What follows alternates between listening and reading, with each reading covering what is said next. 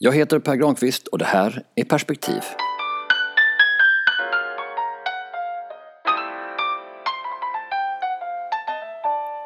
Föräldrafritt i riksdagen.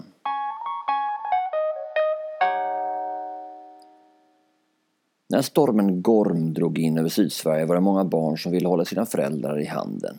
När vindarna viner runt knuten och en storm hotar tryggheten är det naturligt att vilja hålla ihop och krypa under en gemensam filt. Även om många barn är modiga och gör vad de kan ligger naturligtvis huvudansvaret för situationen hos föräldrarna.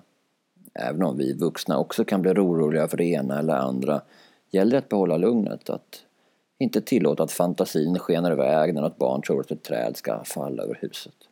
För att ingjuta lugn gäller det att tala sansat, att försäkra barnen om att hemmet är stabilt och att vi kommer att klara av den här stormen också.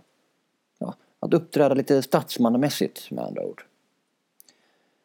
När flyktingstormen drog in över Sverige i somras var det många medborgare som ville hålla sina företrädare i handen. När flyktingströmmens vindar viner runt knuten och en humanitär behovsstorm tycks hota tryggheten i Sverige är det naturligt att vilja hålla ihop och krypa under en filt av gemensamma värderingar.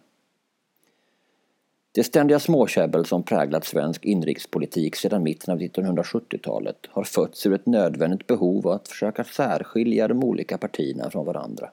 Talan nog brukar utländska betraktare tala om sju varianter av socialdemokrati i Sverige, ja, och ett nytt högerextremt parti då. Även om de filtar som de sju partierna samlat sina sympatisörer under haft olika nyanser, från blårött till rödgrönt, så har de i grunden alltid varit röda.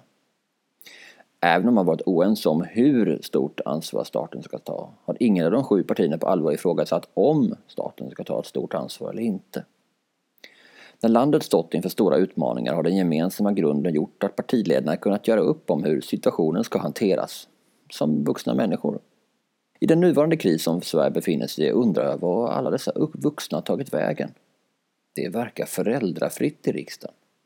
Vår inrikespolitik domineras av barnsliga tjuvnyp, tjafs om vem som sa vad till vem och där infantila partiledare fantiserar upp nya förslag utifrån de tror ena eller andra dagen utan hänsyn till de humanistiska värderingar man förr enades kring.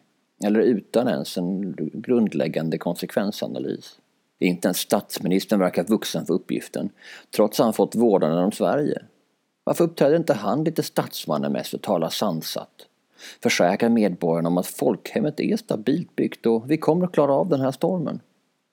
I ett öppet brev till honom här veckan försökte jag klä i ord det jag tror svenskarna vill höra från honom nu. Jag ställde också två frågor.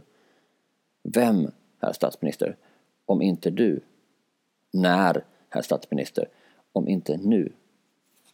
Att tiotusentals läst och delat brevet Kära herr statsminister med varandra jag tror jag säger något om svenskarnas längtan efter någon att hålla i handen just nu.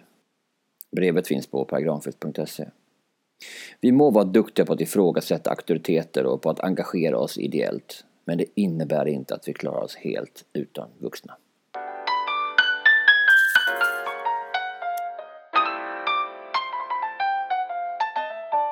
För att få fler perspektiv, prenumerera på podden i Acast, iTunes eller på Soundcloud. Eller gå till pergranqvist.se där du hittar den här och andra aktuella texter jag skrivit.